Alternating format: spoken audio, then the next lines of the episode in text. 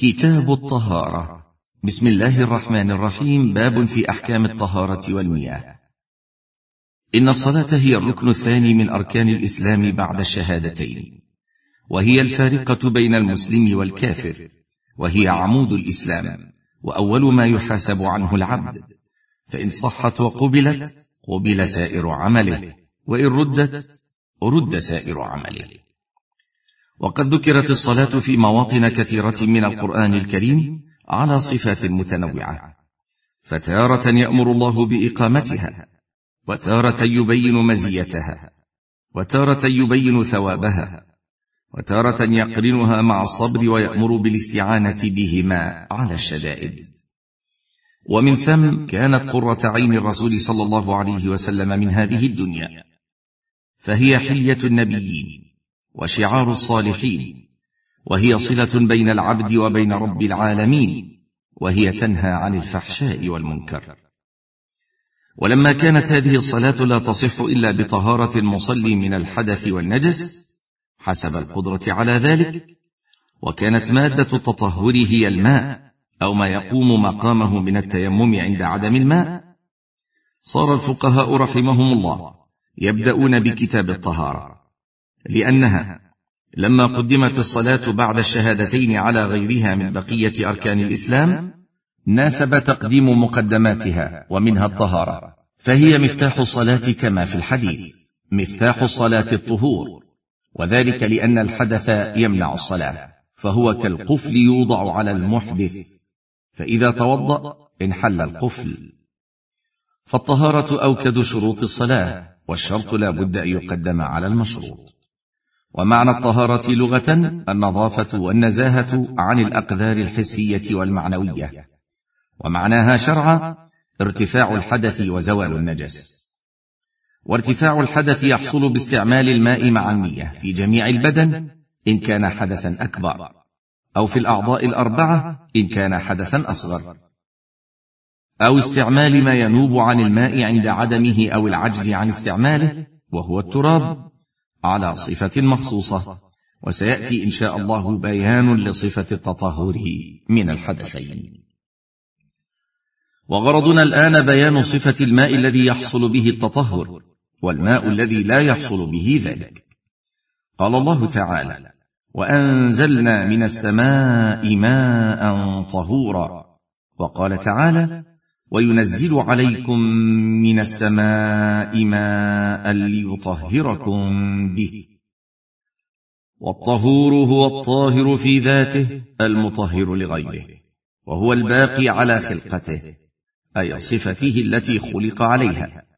سواء كان نازلا من السماء كالمطر وذوب الثلوج والبرد أو جاريا في الأرض كماء الأنهار والعيون والآبار والبحار أو كان مقطرا. فهذا هو الذي يصح التطهر به من الحدث والنجاسة. فإن تغير بنجاسة لم يجز التطهر به من غير خلاف. وإن تغير بشيء طاهر لم يغلب عليه.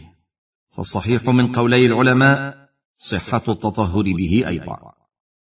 قال شيخ الإسلام ابن تيمية أما مسألة تغير الماء اليسير أو الكثير بالطاهرات كالإشنان والصابون والسدر والخطم والتراب والعجين وغير ذلك مما قد يغير الماء مثل الإناء إذا كان فيه أثر سدر أو خطم ووضع فيه ماء فتغير به مع بقاء اسم الماء.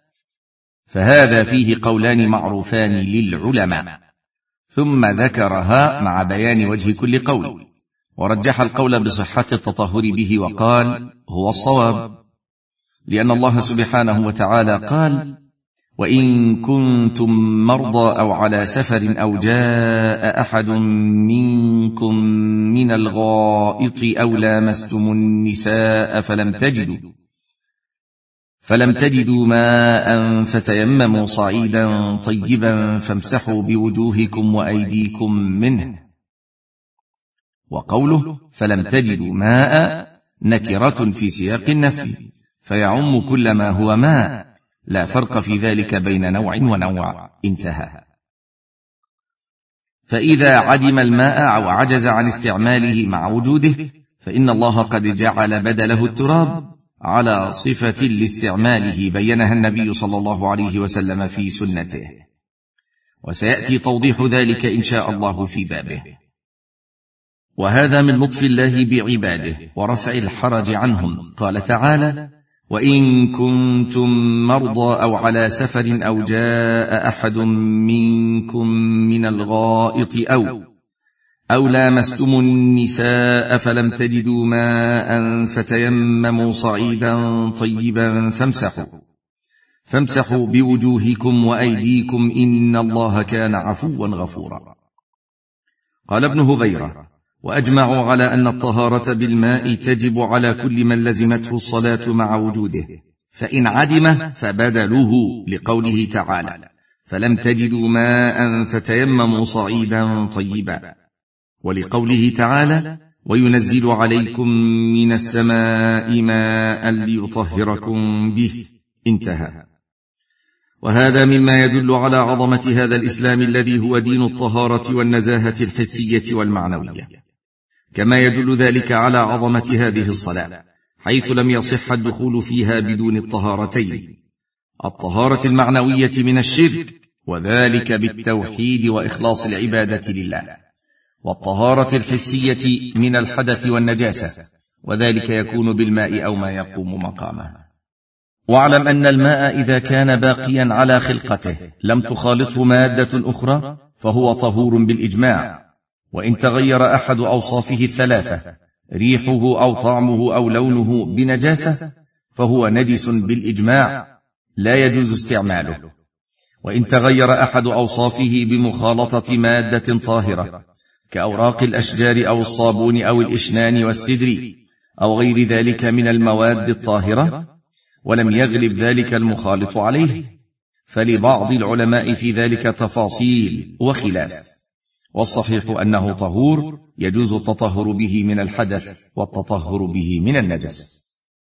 فعلى هذا يصح لنا أن نقول إن الماء ينقسم إلى قسمين.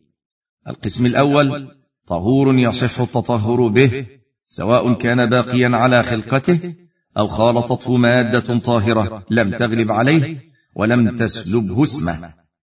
القسم الثاني نجس لا يجوز استعماله فلا يرفع الحدث ولا يزيل النجاسة وهو مما تغير بالنجاسة والله تعالى أعلم.